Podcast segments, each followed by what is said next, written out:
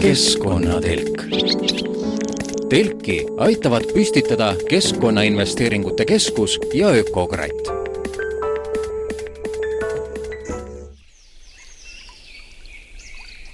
tere! keskkonnatelk on püsti, mina olen saatejuht Kadri Välner ja taas on hää tõdeda, et elame looduse poolest ilusas hetkes. Sinililled õitsevad, tedremäng teeb suuri tuure, kevadine lindude rändehooaeg tõi esmaspäeval meie haruldasi eksikülalisi otsivatele linnuvaatlejatele toreda lisa, kui Läänemaal nähti teadaolevalt esimest korda siiakanti jõudnud lannuvarti, kes on pärit Põhja-Ameerikast ja üksik kauge külaline tegutses Saunja lahel ühes koos teiste tuhandete meil tavaliste vartidega Kivimäe vaatlustorni läheduses. Metsades on raierahu, mis kestab viieteistkümnenda juunini ja käima on läinud ka metsauuendushooaeg, mille jooksul istutab RMK riigimetsa enam kui kümme miljonit uut puud. Lätis aga toimus eile meie eelmise aasta eeskujul Teeme ära prügikoristuspäev, eks vaatame, millised on selle tulemused.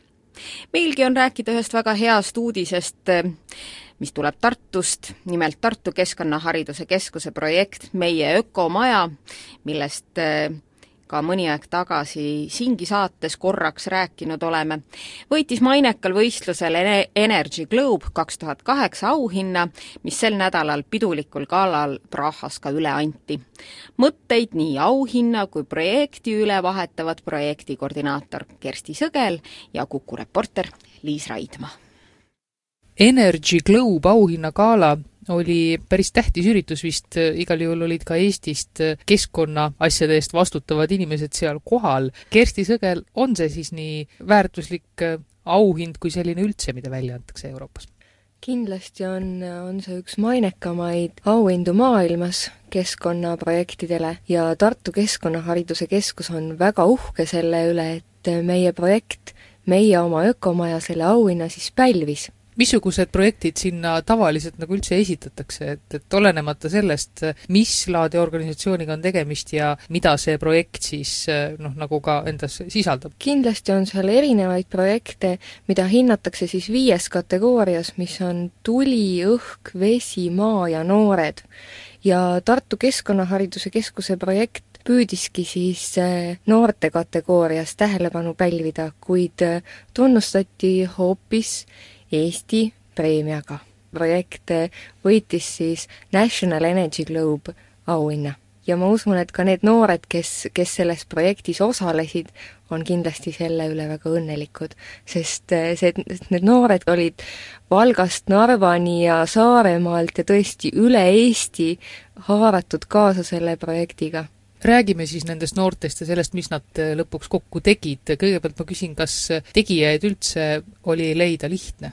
Jaa, soovijaid projektis osaleda oli, oli rohkem, kui me saime kahjuks vastu võtta, me tahtsime siiski, et kvaliteet säiliks ja seda väga suure massiga teha on natukene raske. kuna siin selles projektis ei olnud nõutud juhe, juhendajate osalust, vaid, vaid noored ise said kõike teha, siis oli nendepoolne ka see algatus ja initsiatiiv kui vanad need noored olid, kes seda tegid, et olid nad juba, ütleme, seadnud ka oma tulevikku võib-olla näiteks eh, sellise hariduse omandamisega? päris palju oli gümnasiste, aga ametlik vanuserühm oli kaksteist kuni kaheksateist.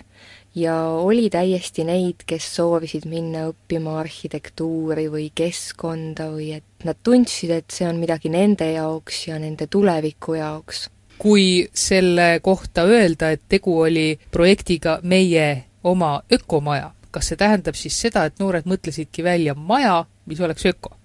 jaa, põhimõtteliselt võib öelda ka nii, et äh, tegemist oli siis noortele suunatud projektiga, kus nad pidid looma omaenda kodukohta sobiva ökohoone aga see hoone pidi olema ühiskondlik hoone, kas siis näiteks lasteaed, kultuurimaja, midagi sellist, mida nad ise tunnevad, et nende kogukonda on vaja.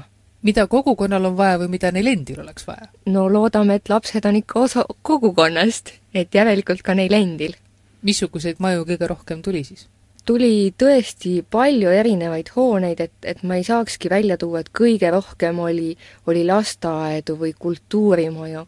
näiteks tehti ka ökojõusaal või siis äh, bändi harjutushoone või kõikvõimalikke erinevaid mõtteid, et, et see oli imetore, mida noored inimesed suudavad välja mõelda. ja kui palju asju neil tegelikult vaja oleks ka samas. jaa see tähendab ka seda, et, et äh, lapsed peavad mõtlema ka natukene laiemalt, et kui teha spordisaal näiteks, mida seal kindlasti vaja on, või et noh, muusikutele, missugused on nende tingimused seal ja nii, et päris äh, laia silmaringiga peavad olema need lapsed ka kindlasti olid, olid noored eh, väga erilised kõik, kes osalesid selles projektis ja sellesama jõusaali lahenduse puhul oli näiteks, et eh, siis, kui inimesed väntavad velotrenažööriga, siis lambid põlevad laes, et kõik see energia, mis seal jõusaalis nagu pumbatakse, et see kogutakse siis akudesse ja saab kasutada.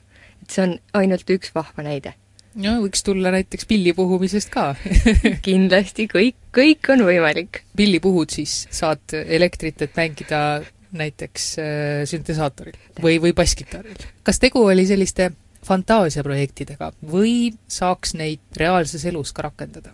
kuidas keegi asja võttis? kindlasti oli selliseid projekte, mida oleks võimalik põhimõtteliselt kohe ka ellu viia, mis olid oma lahendustelt lihtsamad oli ka veidi, veidi tulevikku suunatud projekte, mis võib-olla vajaksid veel tehnika arengut, et aeg natuke edasi läheks, et need lahendused saaksid reaalsuseks lapsed ei olnud sinna ka pannud kokku lihtsalt noh, niisama lahedaid või kihvte asju, vaid ikkagi eh, tõsiselt selles mõttes suhtunud? konkursi üks osa oligi siis see, et Tartus toimus viis tõsist õppepäeva. et viis täispikka päeva, kus siis õpiti nii teoreetilist kui ka praktilist teadmist ökoloogilistest tehnoloogiatest. et lapsed kuulasid loenguid Eesti tippekspertidelt ja samuti nad said siis ise nagu praktiliselt kõiki asju katsuda, teha, ehitada. et seal on nagu tugev teooria neil taga, ma loodan ja lisaks ehituslikus mõttes ka, et äh, need majad ikkagi tõesti, ütleme nii, et seisaksid püsti ja et äh, ei läheks põlema ega midagi sellist? me andsime nii palju teadmisi, kui viie päevaga on võimalik anda, aga see, see, mis tulemus on, et äh, seda igaüks otsustab ise. lapsed ise kohe teavad ka juba teatud vanuses, mis asi on ökoloogiline ja mis seda kohe mitte ei ole? tänapäeva noored on küllaltki teadlikud ja nad teavad, miks nad otsustavad ühte või teistmoodi. ja selle projekti eesmärk ei olnudki see, et meil on nüüd olemas füüsilised majad, see oli nagu üks alleesmärke. tegelikult oli just see, et suunata nagu seda mõttemallide muutmist ja seda, et midagi hakkaks siin pea sees käima, et natukene vaataks asju vahel teistmoodi sellepärast, et needsamad koolilapsed on ju kõik tulevased otsustajad ja tegijad meie vabariigis kui laialdaselt see info nii-öelda levinud on, et kõik osalejad ise juba teavad ja saavad nii-öelda koha peal rõõmustada või tuleb teil endal veel mingisugune tähistamine? selle projektiga seoses loodi koduleht okomaja.edu.ee ja kõik osalejad kuuluvad ka listi. kohe, kui see info tuli, saatsin ma sinna listi ka teate, nii et ma loodan, et kõik osalejad on selle info kätte saanud ja kes veel ei ole, siis palju õnne, teie olete võitjad! On saadud ka innustust järgmiste projektide tarbeks? tahaks tulevikus äh, teha sarnaseid või natuke teistsuguseid projekte ja täna just arutasime siis Tartu Keskkonnahariduse Keskuses ka seda teemat ja oli neid, kes leidsid, et seda mõtet tuleks arendada näiteks täiskasvanute suunal edasi või, või laste suunal, aga see on veel arutelu teema täpsemalt, et mida siis teha. kuid äh, hetkel plaanime me hoopis oma keskuse ökomaja ehitust see on ka Tartu linna arengukavas juba sees, et sügiseks loodame, et on siis kindlamad plaanid, oleks ju suurepärane näha Tartus ka ühte ökomaja. Olgu siis siin veel kord üle korratud, et Energy Globe on tunnustatud kõige prominentsemaks keskkonnaauhinnaks maailmas, nii et veel kord palju õnne Tartu Keskkonnahariduse Keskusele ja aitäh Liis Raidmale, kes selle loo meieni toimetas. nüüd aga järgime taas paigavaimu kutset ja vaatame, mida räägib täna meile folklorist Marju Kõivupuu.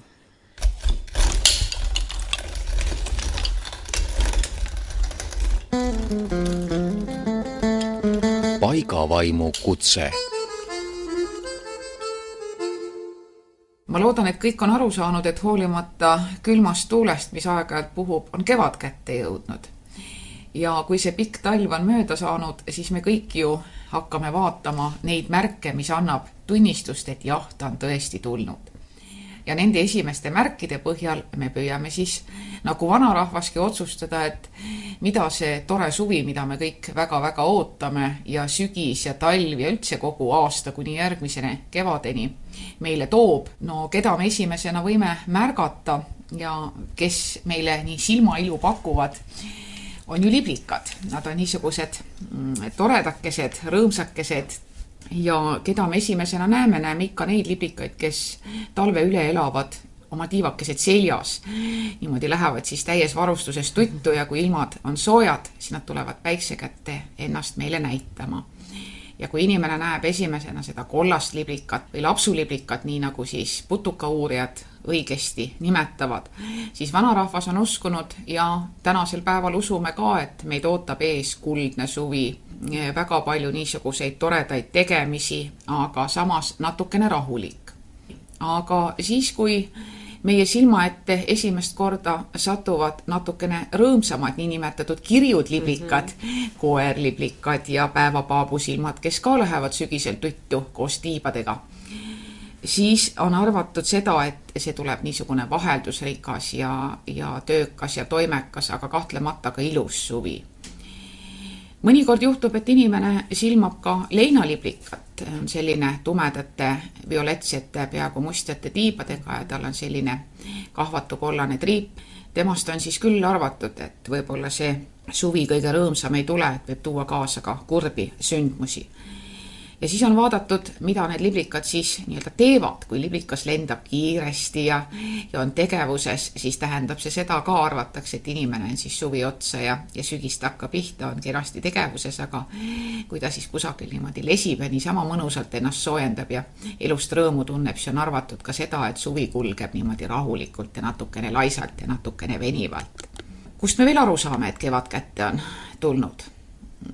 Linnainimene esimest lille näeb tavaliselt kusagil raudtee ääres või sellistel prahimaadel ja need on siis paiselehed. Neid taimi on rahvameditsiinis tarvitatud köha ja kõikvõimalike kopsuhaiguste vastu. aga tal on ka selline rahvapärane ilus nimi, noh, ämmak või vaeslapse leht ja siin me oleme võtnud või ütleme, need uskumused on siis nii balti kui vene slaavi rahvastel ühtemoodi, et kui paiseleht ära õitseb, siis tuleb selline natukene hobusekabja moodi suur roheline leht maa seest välja. ja selle üks pool on selline sile ja külm ja kui see vastu põske suruda, on ta kuidagi jahe ja karge ja on siis öeldud, et see on nagu see võõras ema pool. aga kui see pehme ja karvane pool vastu põske suruda, siis on ta selline pehme nagu oma ema pai ja vaat selline võrdlus on siis toodud aga kui nüüd keegi tahab paiselehte koguda ravimtaimena mingil hetkel, kui köha kallale kipub paiselehe teed juua, siis oleks mõistlik nagu meeles pidada, et paiselehe lehti ei muljutaks, sest muidu nad kuivavad kui, kuivades mustaks ja ei ole niisugused hääd ja ilusad, et katsuge nad siis tervelt kätte saada. kes metsa satub, trehvab või tal veab metsas sellist toredat taime, mis meenutab natukene sirelit, ja eh, mida siis üldiselt tuntakse näsiniine nimega. aga lõunaeestlased ütlevad tema kohta ka veel küüvits ja see ongi see, mis botaanikutes natukene segadust tekitab, sest küüvits on hoopis teistsugune taim eh, botaanikute liigikirjelduse järgi ja õitseb palju hiljem ja hoopiski rabas. aga üks, mis kindel on see, et näsiniit on siis rahvauskumustes seostatud kevadjumalaga või taevaste jumalatega ja tähelepanuväärne on seegi, et Martin Luther, nimelt tubli usuisa, temal oli omapärane suhe rahvauskumustega, tema arvas, et, et taim on nii mürgine, et isegi kurat ei saa seda närida, sellepärast et siis löövad tema kurgust põrgulikud tulekeeled välja. aga näsiniine nimetus eesti keeles ilmselt tuleb sellest, et et eh, teda on siis ka rahvameditsiinis tarvitatud näsiniine oksakesega on püütud saada jagu hambavalust, noh, arvestades praegust majanduslangust ma siiski ei soovita eh, nii alternatiivsele või ravi nendele meetoditele üle minna. ja samuti on siis näsiniine oksi peenestatud ja pandud piirituse sisse või viina sisse liiku ja selle tõmmisega on püütud siis liigesevalu ja reuma vastu eh, abi saada. Ja ahaa, ennist ma ütlesin seda ka, et Lõuna-Eestis nimetatakse teda siis küüvitsaks. Ja lõuna-eestikeelne sõna küü tähendab siis ussi, sellist kirjatud helklevat madu ja nõiavitsana rahvauskumustes on ka küüvits või siis näsiniin hästi tuntud on arvatud, et kes teda kaasas kannab, et siis see on kaitstud kurja silma ja kõige paha eest noh, nende uskumustega nii nagu on, eks ole, mürgistele taimedele on sageli omistatud üleloomulikku ja kaitsvat võlujõudu kurja silma ja kõige paha eest.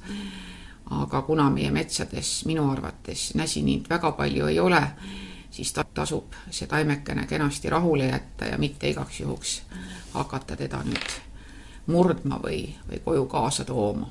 üks esimesi kevadkuulutajaid on kahtlemata sinilill meie suurlinnade lilletädide üks selline lemmikmüügiobjekt. sinilill on vaata üks väga kõrge vanusega taim ja pakutakse tema vanuseks koguni nelikümmend, viiskümmend miljonit aastat, mis ka minule üllatuslik tuli. ma küll ei jõudnud kontrollida, aga see risoom, mida pidi siis sinilill paljuneb või, või mis pidi siis tema nii-öelda mööda maad laiali läheb, nagu rahvasuu ütleb peab vastu siis ka tubli sada aastat või pisut pealegi. no sinililli on nimetatud ka maksalilleks või maksarohuks. Tema ladinakeelne nimetuski viitab sellisele pahale tõvele, mida me, mida meist keegi saada ei taha, see on hepatiit, eks ole. ja on usutud siis, et äh, sinilillest võiks abi saada näiteks maksahaiguste korral.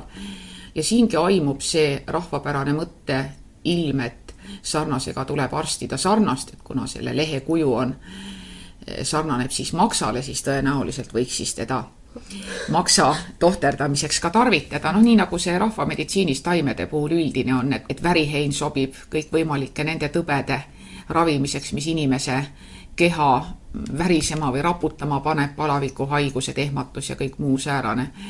no või näiteks kollatõve puhul kõiki neid taimi kasutada, millel on kollased õied. no neid näiteid võib hästi palju tuua. mis siis veel?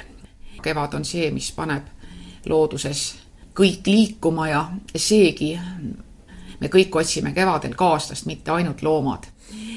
et linnakassid panevad plehku ja varesed teevad hommikul vara koledat häält ja märkame sedagi, et meie teedel, kus me armastame autoga sõita, hakkab kevadeti nägema teepervedes midagi niisugust, mis ei ole päris ilus vaatepilt ja siis ma hakkasin mõtlema veel selliste asjade peale ka, et tegelikult nagu kuidagi oma noorespõlves kas ei osanud tähele panna või ei märganud, aga aga teepeenardel meie väiksemaid vendi, nagu me tavatseme hellitlevalt nimetada, väga märgata ei olnud.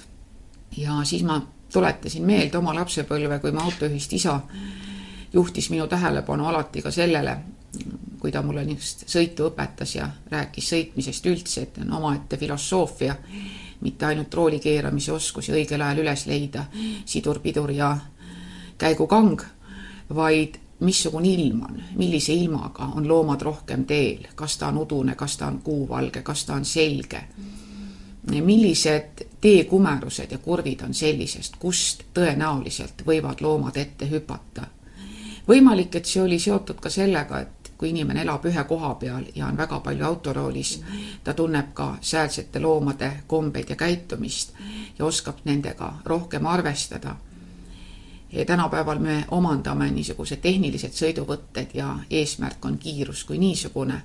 ja siis vaatan seda, et kõik kahepaiksed minu andmetel peaks olema meil looduskaitse all ja kui me taimede puhul räägime, et sinilill on näiteks olnud vahelduva eduga rohkem või vähem kaitsealune taim, Põhjamaades ta ongi. me kaitseme neid liike, mis on nii-öelda juurtega maa küljes. ma küll ei tea, kelle eest me neid kaitseme, iseenda eest tõenäoliselt. võib-olla peaksime nendest rohkem hoopiski hoolima. me kaitseme nende kasvukohti ja ka nende liikidega me oleme natukene hädas, kes ise ringi liiguvad. ja ühed sellised on konnad. Ja sellega seoses mul hakkaski meenuma, et kui palju tegelikult meie konnadest rahva pärimuses on räägitud ja kui olulised loomad, konnad on rahva pärimuses olnud ja mida nendest teatakse. suhtumine konna ja kärnkonna on rahvausundis olnud natukene erinev. kui me vaatame selliseid vanemaid uskumusteateid, tuleb sealt välja see tõdemus, et need inimesed, kes siis konna tapavad, neid tabab suurem või väiksem karistus ja selle kohta on Eesti Rahvaluule arhiivi talletatud väga palju hoiatusmuistendeid. lastele, aga miks mitte ka täiskasvanutele, räägiti ka selliseid muistendeid või jutte mis võib-olla tänapäeva pedagoogikas tunduvad liiga julmad, et konna ei tohi tappa, see, kes konna tapab, sellel sureb siis ema ära. Noh, pragmaatilistel või nii-öelda siis rahvameditsiini ja taluelu korraldamisel on muidugi konna ka kasutatud. tundub, et küllaltki julm on kasutada konna näiteks või on kasutatud konna vankrimäärde asemel või äh, siis pandud teda rattarummu sisse aga samuti konna on kasutatud rahvameditsiinis, noh lastel, kellel usuti, on, et on konnaviga, see tähendas siis niisuguse väikelapsed, kes olid kõhnad ja kellel oli nii-öelda konnakõht, noh praegu me ütleme, et need tõenäoliselt olid ka salatoidetud või või rahiitilised, et neile anti siis näiteks konnakäppa lutsutada, kuivatatud konnakäppa või pandi siis laste pesuvette konnaverd selles usus, et haigus, mis on ühe sellelt loomalt tulnud, siis ainult see loom suudab sellest tõvest ka vabastada. E, samuti on elusat konna pandud mõneks ajaks või hoitud teda paise peal. Ja armumaagias on kasutatud samuti konnaluid, aga vaieldamatult tundub, et see vanem uskumus on seotud sellega, et kärnkonna on peetud inimese poolvennaks, kes on siis õnneloom, kait-, kaitseb lehmasid ja teine konnadega seotud kihi, uskumuskihistus on seotud siis irdhinge kujutelmaga, mille kohaselt näiteks äh, paha inimese nõiahing võib pugeda konna sisse ja siis on arvatud, et ta käib siis konna kujul näiteks lehmadel piima imemas või mingisugust muud pahategu tegemas. no tänapäeval usutakse paiguti ju sedagi, et, et kärnkonn on see, kes aias maasikaid sööb, vaagoletis, eks ole. ja noh, need niisugused uskumused, et kärnkonn võib-olla mitte oma kõige ilusama välimuse tõttu on paha ja kuri ja mürgine ja ohtlik, on olnud üpris levinud, aga siin ma tahaks tuua ka sellise paralleeli meie muinasjutu motiividega. me teame, et kõige ilusamad printsid tavaliselt on väga koleda välimusega, võtavad ka vahel konnakuju ja kui neid koledaid printse suudelda, siis nad muutuvad heaks ja ilusaks. seal on väga mitu uskumuskihti kuni selleni välja mida me ju tänapäevalgi räägime, et tähtis ei ole mitte see pakend, välimus, vaid oluline on see, missugune on hing, mõttemaailm selle pakendi sees.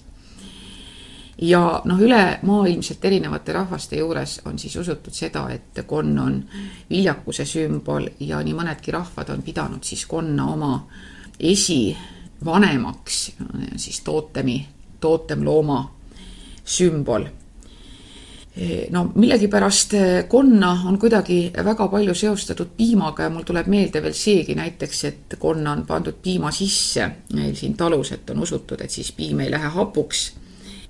Mm, niisugused toredad uskumused kenade loomadega meie rahva pärimuses ringlevad, tudengid on kirjutanud nendest erinevaid bakalaureus- ja muid uurimistöid, kus on siis kirjeldatud ja kui natukene internetis ringi vaadata, siis ma usun, et huvilised leiavad palju täiendavat materjali nende toredate loomade kohta, kellesse peaksime samamoodi hoolivalt suhtuma ja, ja neid kuidagi püüdma hoida. Või siis, kui soovite, kaitsta meie endi tegemist ja kiirustamist eest. ja ma ei oska nüüd öelda, võib-olla mu silmaring ei ole nii suur, aga aga üks ettepanek on, et näiteks kevadeti või siis, kui loomad liiguvad rohkem teel, kui neil veri vemmeldab, kui nad otsivad kaaslast, võiks sellistesse kohtadesse panna hoiatusmärgid, piirata kiirust, võib-olla inimestega ikkagi ja jätkuvalt jälle rohkem rääkida, võib-olla tuletada meelde selliseid lihtsaid tõsiasju, mis võib-olla mõni aeg tagasi, kui kiirused olid väiksemad, ma ei pea silmas ainult mootori võimsust, vaid pigem seda niisugust kiirust ja pealiskaudsust suhtlemises ja mõtlemises. et vaadata, vaadata lahtiste silmadega ringi ja seesama lause, mida reklaamides on liiga palju ekspluateeritud ja võib-olla sellepärast on ta ka selline kulunud, et märka nõrgemat. mitte ainult kahejalgset, vaid ka neljajalgset ja suhtu hoolivalt ka nendesse, kes liiguvad, neil on omad asjad ajada, neil on omad käigud käia ja anname teed nõrgematele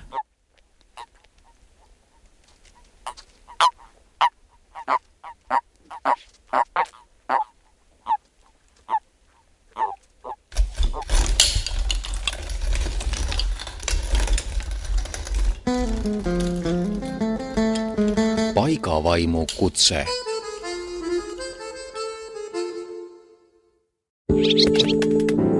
keskkonnatelk. telki aitavad püstitada Keskkonnainvesteeringute Keskus ja Ökokratt.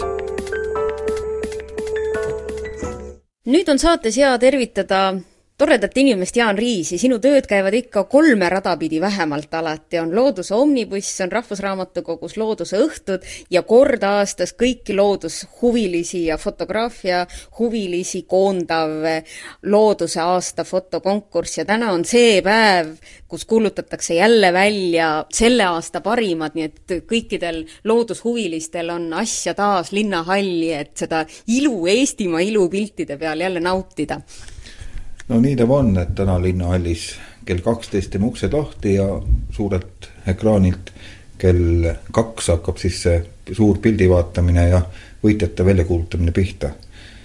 tänavusel võistlusel tuli noh, nii hullumeelselt palju töid, et see oli mitu päeva tuli läbi närida. kui eelmine aasta saime eh, seitse tuhat fotot, ilusat fotot, eh, kaheksasada autorit, siis tänavune numbrid olid juba kaksteist tuhat fotot ja, ja autorid ka üle tuhande neljasaja.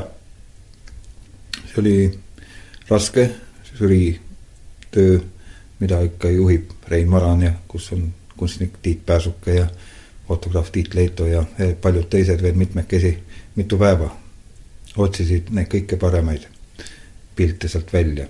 ja täna siis koos hea muusikaga vaatamegi seda kuut-seitsesada paremat pilti linnahalli kahelt ekraanilt juba. Tavisjaniga leppisin kokku, et nad panevad kaks suurt ekraani üles. Eh, siis on eelnevalt ka fotonäitused juba olemas seal ja, ja, ja tänavu kuulutame viisteist tantsiva hundi saajat, autorit välja ja üks neist saab siis suure hundi tiitli.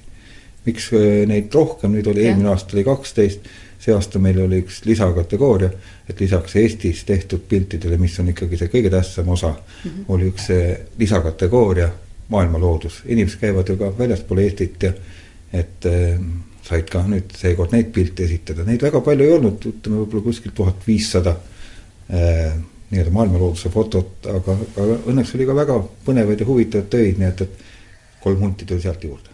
Kui nüüd on juures see maailma looduse osa ka, et kas see tähendab seda ka, et välisfotograafe hakkab äh, sellest võistlusest osa võtma, meil siin läheduseski ju väga kõvasid äh, fotograafe olemas väljaspool Eestit kas see on see nende jaoks või see on ikkagi just nimelt meie rännuhimuliste inimeste jaoks? no ma arvan, et ta ikkagi eelkõige meie inimeste jaoks, kuigi ma tean, et piirangut ei ole, võib ju mm, noh, ka igalt poolt maailmast meile pilte saata, neid on üksikuid, aga, aga, aga vaatasin nimekirja isegi Portugalist ja ja päris, päris kaugetest maadest on, on mõni, kes on meie fotovõistluse üles leidnud, oma pilte saatnud, aga, aga, aga absoluutne enamus on ikkagi noh, ta on meie oma fotograafide selline äh, pildi näitamise ja võistlemise paik ikkagi ja see on see eesmärk aga nii, et ei tähenda seda, et kui üks äh, liik nii-öelda juurde tuleb, et siis selle arvel mm, suurenes nii fotograafide arv kui ka fotode hulk? ma ei teagi, kust see äh, arvu suurenemine nüüd äh, tuli, sellepärast et üks asi on see, et viimastel aastatel, juba eelmine aastagi oli, et sai ju pilte saata ka interneti teel mm, -hmm. see muutis selle asja lihtsamaks et ilmselt see on üks põhjus, aga teine on ilmselt ka see, et, et jätkuvalt on meie rahval äh, huvi loodusfoto vastu suur ja miks mitte seda rõõmu, mida on jäädvustatud, siis koos ühiselt jagada ja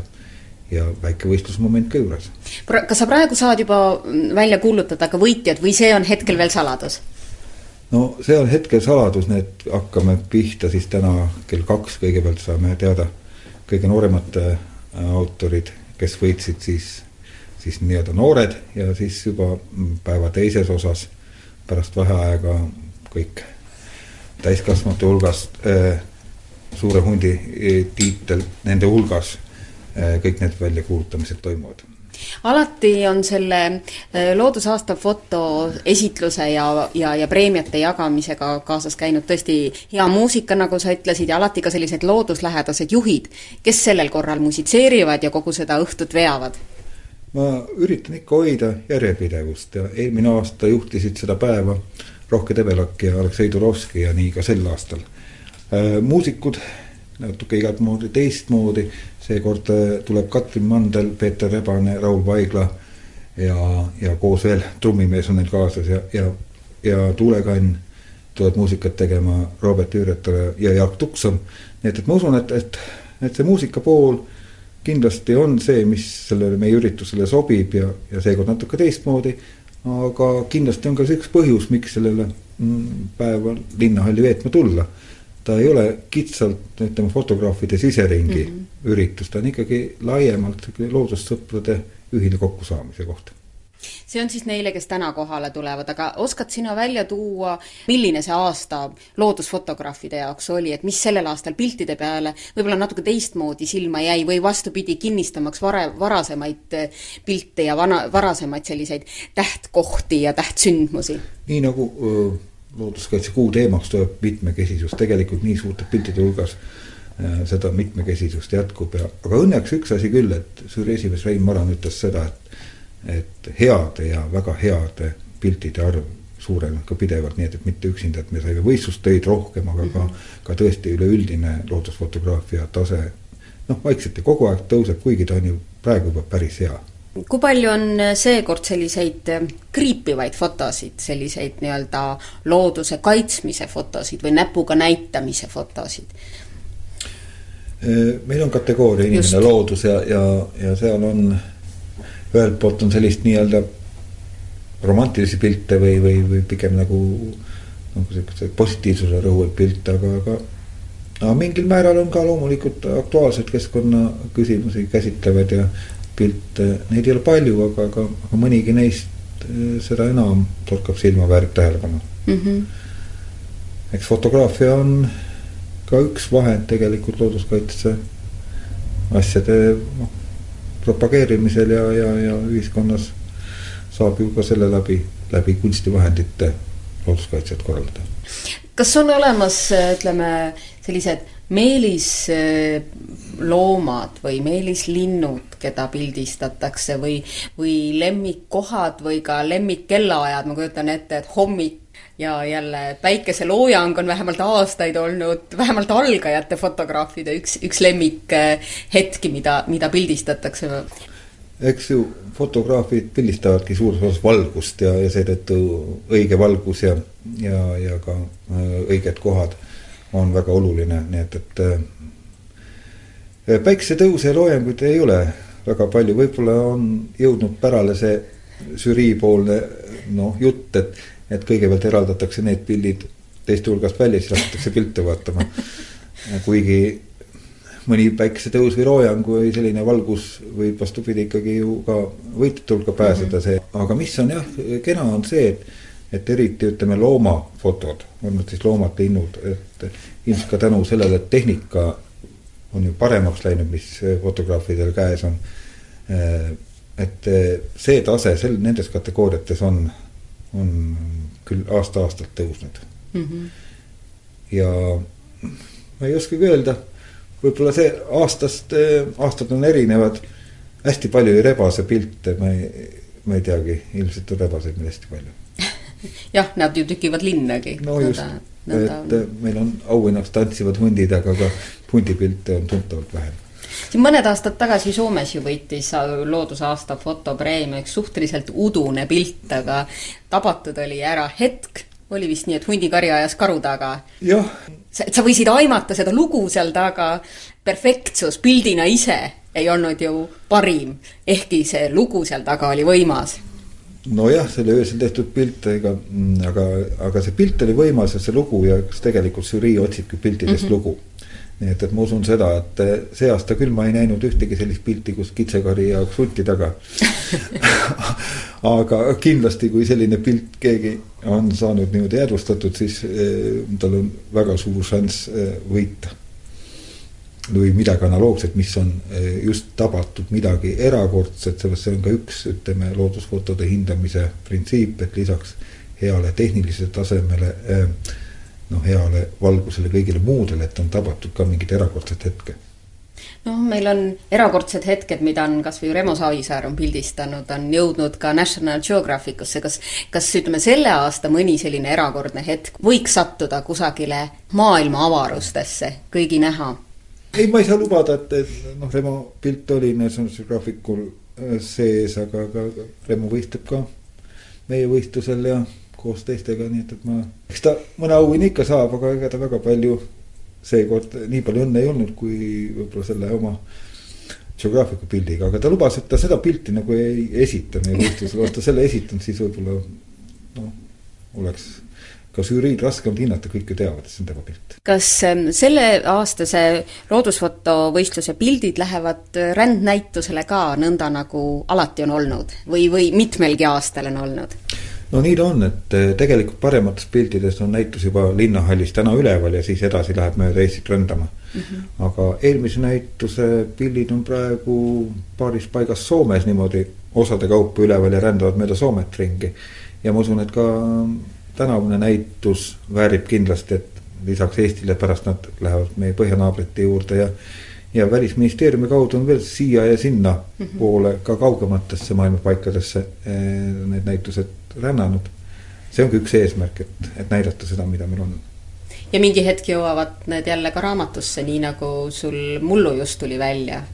et loodusfoto aastaraamatu mm -hmm. väljaandmine on, on loomulikult öö, üks siht ja praeguse mõttega veel ei tea, et kas sügiseks tuleb nüüd selle aasta raamat välja või vist on, teeme nii, et, et järgmiseks kevadeks paneme siis nii selle kui järgmise aasta kõik žürii poolt tunnustatud Äh, pildid ühte albumisse kokku mm. -hmm. aga kindlasti ta tuleb, sellepärast et seda järjepidevust tasub hoida mm. -hmm. nii et igal juhul, kelle pildid on kõige paremad, äh, seda saab teada täna ja alates kella kaheteistkümnest. just, kaheteistkümnest pääseb sisse ja, ja kella kahega hakkab see suur pildi vaatamine pihta.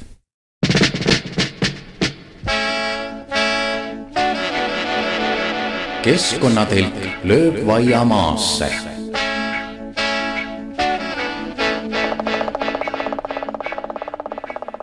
ma loodan, et teil kõigil on kevade tahmides olnud ka aega üle vaadata oma jalgrattad, sest et sellel nädalal algas registreerumine selleaastasele rattaretkele.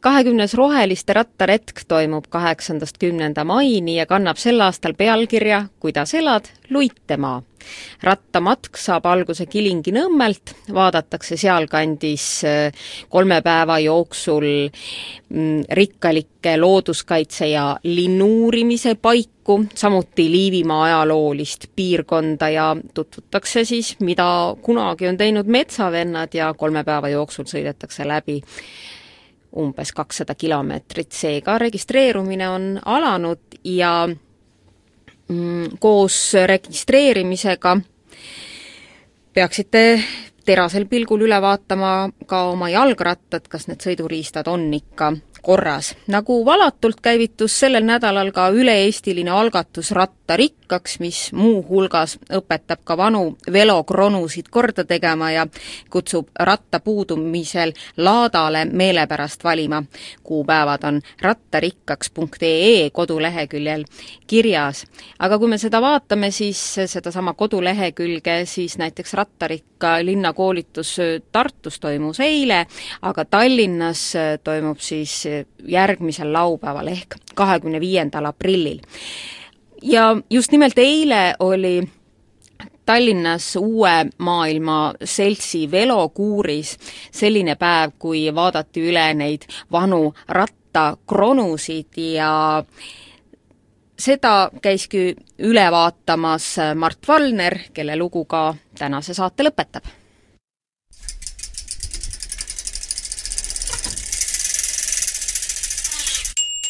kuidas teil siis täna läinud on siin? teate, täna on olnud väga tormiline päev, tuuakse rattaid aina juurde kogu aeg. varsti ei ole enam käsi, kes teeksid tööd. millega te praegu tegelete? teate, praegu on mul käsil siin üks Hollandi Union. pean selle liikuma saama siis. mis tal viga on? roostus on. kõik asjad seisnud on liiga kaua. eks ta käima hakkab.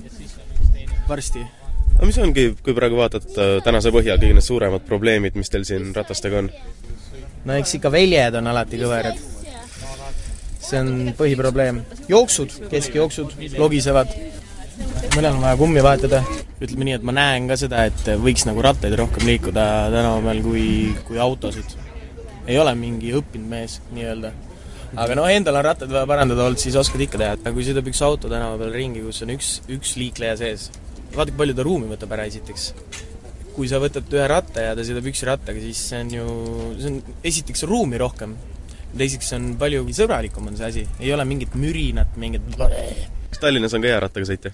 Tallinnas väga hea rattaga sõita sellepärast, et äh, meil ei ole siin mingeid reegleid veel kehtestatud ratturite kohta. et sa võid sõita nii äh, autotee peal kui kõnnitee peal, ei ole rattateid. ja tegelikult rattaga sõita on praegu kõige suurem vabadus üldse ma arvan, et see asi toi-, hakkab toimima ka nii, kui kui vaadata Hollandis ja sellistes lääne, läänemaades on kõik rattateed on sama võrdsed kui autoteed ja kõnniteed. aga meil ei ole seda asja nagu aga meil ju tegelikult investeeritakse, et meil on no, Nõmmele tehtud ja Piritale tehtud ja, ja... No, tehakse, aga samas ikkagist need ülekäigud, et sa võid ühe mingi riba sõita, aga sa tahad saada Piritalt Pelgulinna, siis sul on vahepeal niisugune rägastik, kus sa pead igalt poolt nagu läbi sõitma kuidas teil läheb velokuuril? velokuuril on alati hästi läinud. lihtsalt praegu läheb natuke veel paremini, sellepärast ka päris mitu mehaanikut, kes nagu teevad nagu tõsiselt tööd. enne oli üks-kaks ja siis, siis oli lihtsalt töö uputas nad ära. sellepärast, et eh, liiga palju tööd, see tapab motivatsiooni.